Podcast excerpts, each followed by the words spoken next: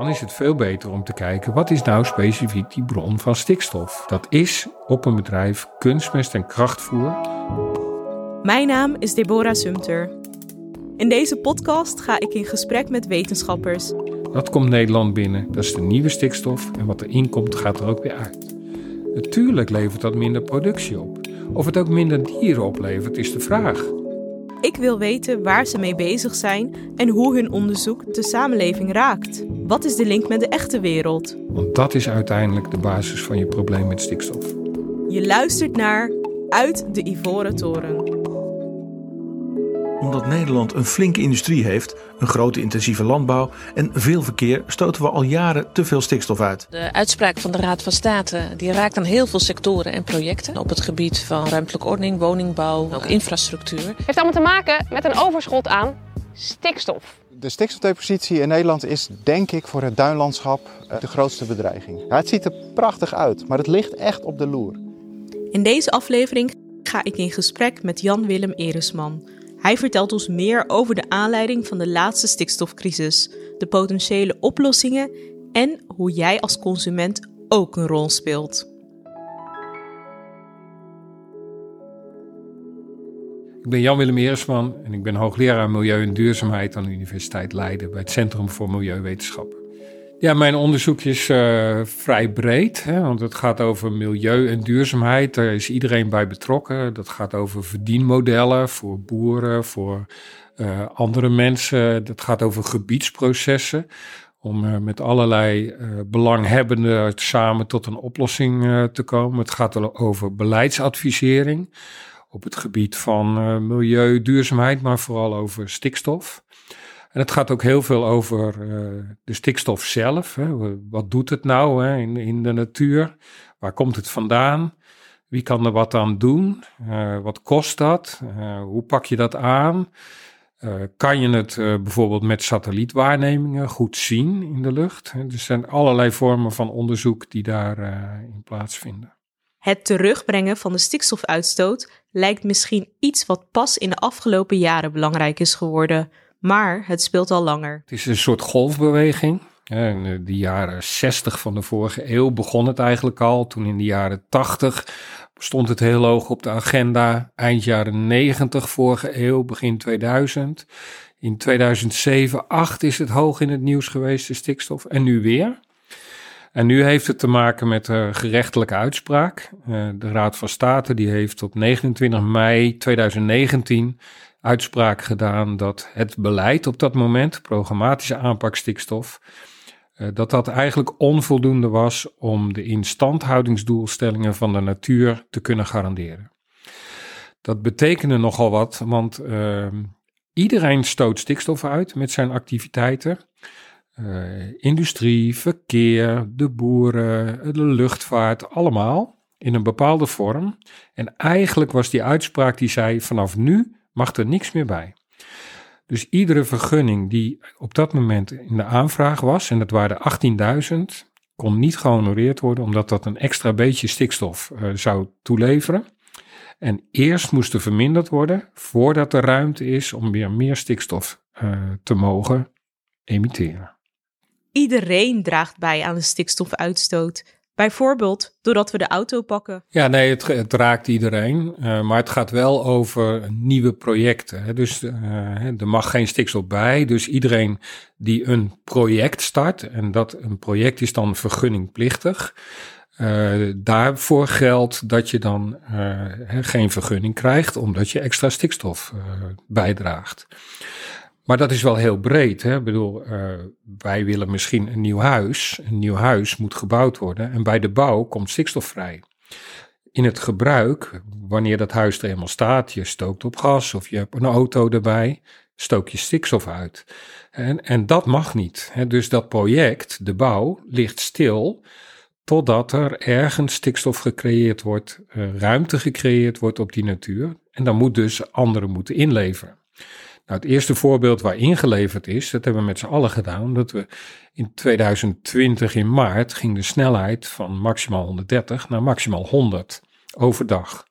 Nou, dat leverde voldoende ruimte voor één jaar om 25 huizen te kunnen bouwen. dus die ruimte die is op. We blijven ondertreien, maar die ruimte is weggegeven. En zo moet je dus iedere keer kleine beetje stikstofruimte zien te vinden op die natuurgebieden om uh, het mogelijk te maken dat er weer vergunning is. Totdat je uiteindelijk, hè, en dat is nu uh, in uh, begin dit jaar door de Eerste Kamer goedgekeurd, dus de, lange termijn structurele aanpak stikstof, de wetgeving, dat je gaat zorgen dat er echt fikse ruimte komt. Hè? Dus dat je beleid voert dat ook die stikstofneerslag, uh, dat die echt fors naar beneden gaat de komende jaren. Want dan is er voldoende lucht om ook weer nieuwe activiteiten te kunnen gunnen. Naast korte termijn maatregelen, zoals het verlagen van de snelheid op de snelweg, is het van belang dat er ook lange termijn maatregelen komen om zo structureel de uitstoot te verminderen. Ja, dus er, zijn, er is een verschil tussen uh, de landbouw aan de ene kant, hè, dat uh, die ammoniak uitstoten, en de verbranding van fossiele brandstoffen. Dan gaat het over wegverkeer, dan gaat het over de bouw, dan gaat het over elektriciteitscentrales. Um, nou, in de laatste geval, hè, de stikstofoxide, daar is al beleid voor op Europees niveau, omdat de belangrijkste bijdrage is wegverkeer. Nou, voor wegverkeer zijn vanuit luchtkwaliteitsafspraken, maar ook vanuit klimaat al afspraken om dat te verminderen. Uh, dus er wordt inzet ingezet op elektrisch vervoer, er wordt ingezet op waterstof bijvoorbeeld, hè, en dat levert geen stikstofbijdrage. Um, daar ga, zie je dus de komende jaren dat dat naar beneden gaat. Er gaat extra maatregelen plaatsvinden in de binnenvaart bijvoorbeeld, maar ook uh, bij de industrie en elektriciteitsproductie. En ook de kleinere industrieën die stikstofoxide uitstoot, zodanig dat ze ongeveer 50% reduceren in 2035. Moeilijker en meer geld ook gaat naar de landbouw. Uh, daar gaat ongeveer 2 miljard in. Deels is dat opkopen van boeren die uh, op een plek zitten waar ze veel bijdragen aan die neerslag op natuurgebieden. Uh, dat is de zogenaamde opkoopregeling. Dat begint met varkensbedrijven, maar wordt uitgebreid voor veehouderijbedrijven en kippenbedrijven. Daar gaat uh, ongeveer een miljard euro in zitten. Dan zijn er nog maatregelen als uh, aanpassing van stallen, water over mest bij uitrijden, meer weidegang. He, dus zijn er allerlei maatregelen waarop ingezet wordt om in ieder geval de doelstelling te halen. En dat is dat in 2035 driekwart van onze natuurgebieden beschermd zijn tegen stikstof. De landbouw draagt ongeveer 41% bij, uh, het verkeer ongeveer uh, 11%. En de bouw ja, eigenlijk maar 1 of 2%, dus dat is maar heel weinig. Dus het kost niet veel, maar je hebt wel de ruimte nodig. Het onderzoek van Jan Willem draagt bij aan het zoeken naar oplossingen om de stikstofuitstoot tegen te gaan. Hierbij raakt het aan andere onderwerpen zoals klimaat en water. Hij legt uit hoe het zit. Ja, het onderzoek wat wij doen is, uh, dat is eigenlijk heel breed. Hè? Eh, want je wilt graag de stikstofproblematiek in kaart brengen. Dat doe je met metingen bijvoorbeeld. Hè? Uh, er, zijn, er is een landelijk meetnet waardoor het RIVM wordt beheerd. Dat is niet landsdekkend, omdat je kan. Er zijn zoveel bronnen. Denk maar aan de landbouw. Iedere stal is anders. We hebben een paar duizend stallen in een gebied. Dus dat kan je niet allemaal doormeten. Vandaar dat wij de methode om met satellietwaarnemingen te kijken vanuit de lucht. Dat levert hele mooie kleurenplaten op, maar die moet je ook interpreteren. En klopt het dan? Moet je vergelijken. dat moet je dan koppelen aan de zogenaamde verspreidingsmodellen, waarbij uh, emissies in die modellen gaan, die berekenen dan met allerlei eh, weersvoorspellingen de verspreiding. En dan weet je waar het neerkomt. Nou, dat neerkomen is ook een proces op zich, dat moet je eigenlijk meten. Daar doen we ook onderzoek naar, hoe je dat kan meten en waar moet je dat dan meten, hoeveel is dat dan? En dan kan je die modellen weer toetsen. Uh, die modellen die kan je gebruiken hè, om uh, dan aan te geven van ja, waar komt het nou vandaan? Wat draagt de landbouw bij? Hoeveel? Uh, aangezien dat nogal verschilt per gebied um, en wij niet het inzicht hebben over waar je nou het meest effectief maatregelen kan doen, hebben wij gebruikmakend met dat model hebben een, een kaart ontwikkeld waarbij je laat zien waar je nou het meest effectief in de landbouw stikstofmaatregelen kan doen, zodanig dat die neerslag op alle natuurgebieden in Nederland naar beneden gaat. Dat geeft je veel meer gericht de mogelijkheid om je beleid op te richten. Nou, dat is onderzoek wat wij doen. Dat doen we dan omdat dat niet alleen het ministerie helpt om gericht maatregelen te doen, maar ook provincies om te zorgen dat zij, als zij al uh, bedrijven opkopen, dat ze dat op de juiste plek doen. Maar ook de Rabobank, hè, die kijkt naar uh, een soort omschakelfonds voor landelijk gebied. Waar, waar moet je dan investeren? En hoe kan je dan zo goed mogelijk die euro investeren? Dat gaat wat mij betreft een beetje verder dan stikstof, omdat met zo'n kaart kan je dat ook combineren met andere opgaven als klimaat, wateropgave, luchtkwaliteit, natuur. Zodanig dat als je een euro investeert om stikstof te verminderen in een bepaald gebied, zorg dan dat dat zoveel mogelijk milieurendement oplevert. Dus ook tegen klimaatverandering werkt en ook tegen bodemdaling en ook tegen uitspoeling van allerlei nutriënten. Dat is ook onderzoek wat wij doen, zodanig dat je een kaart van Nederland krijgt waar je nou zo effectief mogelijk je euro, je maatschappelijke euro in kan zetten om tot verduurzaming eh. Er is dus maatwerk nodig om te bepalen waar en wanneer investeringen het meeste milieurendement opleveren. Hoe strookt dat met beleid dat er over het algemeen voor dient om op grote schaal doorgevoerd te worden? Ja, dat is interessant dat je dat vraagt, want dat is ook precies de complexiteit. Hè? Um, het gaat om maatregelen die, die bij een boer plaatsvinden, maar die met de hele globale ontwikkeling van de voedselvoorziening, met de, de Sustainable Development Goals, met, eigenlijk met alles te maken hebben. Dus eigenlijk zou je een balans willen vinden tussen, um, wij noemen dat dan bottom-up en top-down, om netjes in het Nederlands te zeggen. dus uh, van bovenaf naar beneden en van beneden naar boven. Um, en dat, dat raakt ook eh, mijn onderzoek in de breedte bij Leiden, hè, want ik leid het Livable Planet programma. En het Livable Planet programma heeft dat ook als uitgangspunt genomen. We hebben heel veel doelstellingen. Neem het voorbeeld van het Parijsakkoord voor klimaat. We willen de temperatuurstijging binnen de anderhalve graad houden. Dat betekent dat iedereen maatregelen moet nemen. Dat in de EU heb je dan afgesproken om 55% nu te reduceren in, in 2030. Maar wat betekent dat nou voor een gebied als eh, de Krimpende Waard of de Gelderse Vallei? Of, dat is niet doorvertaald. Hè? We weten dat we als Nederland 55% moeten reduceren, maar je weet dat niet in dat gebied. Nou, dat geldt voor klimaat, dat geldt voor stikstof ook, dat geldt voor de waterdoelstellingen, dat geldt voor de alle 17 uh, eh, duurzaamheidsdoelen van de Sustainable Development Goals. Het is niet vertaald naar een regio. Maar aan de andere kant, in die regio, daar is een bepaalde hechte gemeenschap, die geven om een omgeving, die zien wat daar gebeurt en die zijn vanuit die omgeving ook heel erg gedreven om wel te werken aan verduurzaming. Nou, die twee moet je bij elkaar brengen. dus je zou eigenlijk, en dat, daar zijn wij nou ook naar op zoek, naar, naar het vertalen van die, die generieke doelstellingen naar gebieden om dat als kaders mee te geven en dan in die gebieden samen aan de slag te gaan om tot die verduurzaming te komen. En dat werkt ook omdat het daar de mensen raakt. Daar, daar zijn de mensen gemotiveerd om eraan te werken. Een voorbeeld daarvan is waar we nu uh, aan de vooravond van staan om dat te starten. Is uh, de Vrouwen Venpolder in, uh, in Oude Aarde, vlakbij Leiden. daar heeft het land van ons heeft 32 hectare landbouwgrond gekocht, dat is een veenweidegebied. Daar willen we het water omhoog brengen, we willen de biodiversiteit verbeteren, maar we willen daar ook de landbouw voor de toekomst doen, zodanig dat er voedselvoorziening is in de omgeving.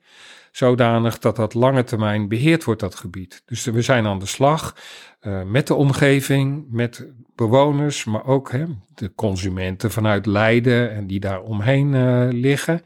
Uh, met allerlei organisaties als het waterschap, de gemeentes, de provincies, om allemaal om te kijken hoe kan je nou gezamenlijk uh, zo'n gebied ontwikkelen als voorbeeld voor veenweidegebieden, zodanig dat het niet meer bijdraagt aan klimaat, niet meer aan stikstof, dat het mooie biodiversiteit heeft, voldoende voedsel oplevert en dat mensen daar graag komen.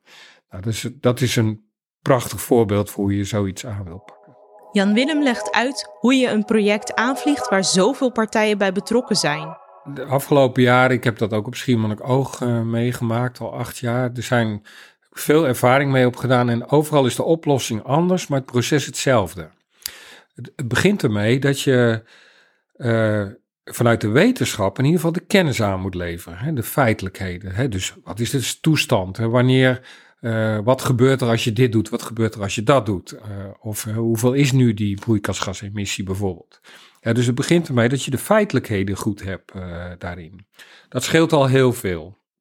Het tweede is, het begint altijd bij de boeren en de mensen in het gebied. Als zij niet willen, dan gebeurt er niks. Dus je moet sowieso met eerst met die mensen aan de slag om te zorgen dat zij ook een bepaalde bereidheid weer hebben. En meestal is dat al zo, hè, omdat ze wel hun omgeving zien veranderen. Hè, maar wel een bepaalde bereidheid hebben om samen te zoeken naar een oplossing uh, daarin. En dan is het goed om goed te kijken naar wat precies de belangen van al die partijen zijn. Wat zijn de belangen van de boeren? Wat zijn de belangen van de bank? Wat zijn de belangen van het waterschap? Wat zijn de belangen van de consument daaromheen?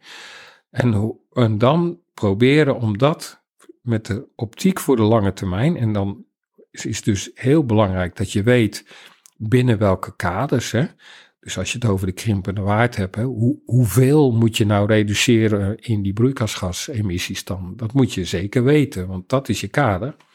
Om binnen die kaders tot oplossingen te komen. En die oplossingen zijn overal anders, maar het proces is steeds hetzelfde. Hoe zou de landbouw er eigenlijk uitzien als we meer rekening houden met wat goed is voor de natuur? De drijfveer is om zo hoog mogelijke productie met zo min mogelijk arbeid per hectare te hebben. En dat betekent hè, dat je met gebruik van machines, dat gebruik van middelen, dat je de natuur zoveel mogelijk uitschakelt, want dat is een risico. En dat je zo groot mogelijke machines kan gebruiken. Dus dat betekent monoculturen, zo min mogelijk uh, wisseling van gewassen. Liefst ieder jaar aardappelen, want dat levert het meest op in de markt. Of suikerbieten. Uh, dus, maar die bodem put je dan uit. Dat weten boeren ook. Hè? Dus die gaan op het scherpst van de snede zitten en die zoveel mogelijk hulpmiddelen daarbij. Alleen uh, wat we vergeten zijn, is dat al die hulpmiddelen die je gebruikt, grote machines, zware machines, levert bodemverdichting op. Bodemverdichting is een van de grootste problemen met de bodem. Dus je moet eigenlijk naar veel lichtere machines. Uh, minder rotatie, dus minder wisseling van, uh, hoe heet het, van gewassen is slecht voor de bodem, want je geeft het geen rust. Je, je doet eigenlijk geen uh, goed aan doorworteling van die bodem. Dus eigenlijk zou je naar meerdere gewassen moeten gaan. Ook met gewassen die stikstof binden, bijvoorbeeld. Maar dat vergt iets heel anders dan van de boer. dus lichtere machines, meer gewassen in een rotatie geen monoculturen, maar liefst een afwisselend landschap, omdat dat veel weerbaarder is. Dus geen grote percelen, maar steeds kleinere percelen, bijvoorbeeld in stroken naast elkaar met andere gewassen, die goed in combinatie kunnen groeien en die elkaar met plaagbestrijding bijvoorbeeld helpen. Nou, dat, dan ga je terug eigenlijk naar de natuur en de kennis daarvan uit, de natuur uh, gedreven landbouw of natuurinclusieve landbouw krijg je dan. Dat je veel meer gebruik maakt van die natuurlijke processen. Dat levert je veel minder kosten op. Het levert je ook minder productie op. Maar het rendement is hoger. Dan even wat anders. In het grotere debat worden zonder al te veel context vaak one-liners gebruikt, zoals de veestapel moet verkleind worden. Jan Willem vindt er het zijne van. Um, nou, ik kan me wel voorstellen dat mensen dat gooien. Ik kan me ook voorstellen dat media dat graag oppakken. Hè? Want waarom is het anders? Is het geen nieuws en dan is het ook niet leuk. Uh, het helpt niet in het debat, uh, moet ik zeggen. Hè? Want je, ik ben toch altijd geneigd om toch weer steeds terug naar de inhoud te gaan, naar de feitelijkheid. En uh, veevoer verminderen, ik snap het. Ik, ik, die neiging is er natuurlijk om dat te zeggen, omdat we natuurlijk eenmaal met we zitten met 12 miljoen, 10 miljoen varkens. We hebben hè, bijna 4 miljoen runderen in Nederland. Uh, we zitten met uh, bijna 100 miljoen kippen. Dat is wel erg druk hier. Je moet alleen uitkijken dat uh, als je daarbij inzet, dat het niet altijd per se de oplossing is. Om maar een voorbeeld te noemen. Ehm, de boeren komen er steeds mee. Die zeggen, ja weet je, we hadden in 1980 hadden we 2,5 miljoen melkveekoeien en nu hebben we er nog maar 1,6. Dus hoezo vee weggedaan? Dat hebben we al gedaan.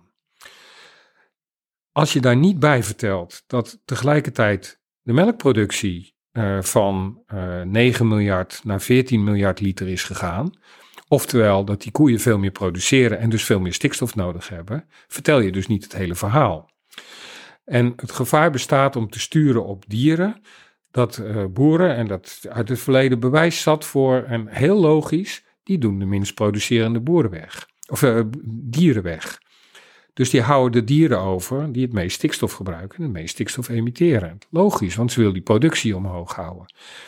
Dan is het veel beter om te kijken wat is nou specifiek die bron van stikstof. En dat is op een bedrijf kunstmest en krachtvoer. Dat komt Nederland binnen, dat is de nieuwe stikstof en wat erin komt gaat er ook weer uit. Dus als je effectief bezig wil zijn, moet je die terugdraaien. Zowel kunstmest als krachtvoer hoeft niet naar nul. Hè, maar in Nederland hebben wij wel eens berekend, halveren kan je een heel eind binnen de stikstofproblematiek komen. Natuurlijk levert dat minder productie op. Of het ook minder dieren oplevert, is de vraag. want misschien ga je wel veel kleinere koeien nemen of die veel minder produceren, maar nog steeds niet één of twee, maar vier in de wei lopen. dus ga terug naar de basis. En ik zeg dan, draai aan die knop uh, van de kunstmest en de krachtvoer, want dat is uiteindelijk de basis van je probleem met stikstof. Bouwbedrijven moeten veranderen, boeren moeten mee in de transitie. Wat kan de consument doen? Ja, die heeft natuurlijk een hele belangrijke rol. Hè. Het begint al met het uh, rode kruisje wat je zet op, uh, bij de verkiezingen. Hè. Welke partij laat je je vertegenwoordigen hierin, met welke beelden? Uh, maar het begint ook bij het eigen consumptiegedrag.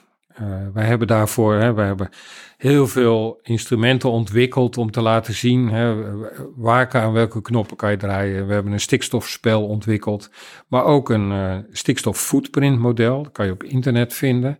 Daar kan je uh, je eigen uh, dieet, wat je verbruikt, hoe je vliegt, hoe je reist, kan je invullen. En dan kan je je stikstoffootprint berekenen, oftewel hoeveel door jouw consumptiegedrag, hoeveel verlies je naar het milieu. En dat kan je afzetten tegen je, collega's of tegen landelijk gemiddelde of andere landen. En dan kan je zien hoe je, hoe je dat doet. Nou, dat geeft je heel veel inzicht in uh, wat de stikstofverliezen zijn ten opzichte van, van wat jij doet. Groot gedeelte daarvan is voedsel.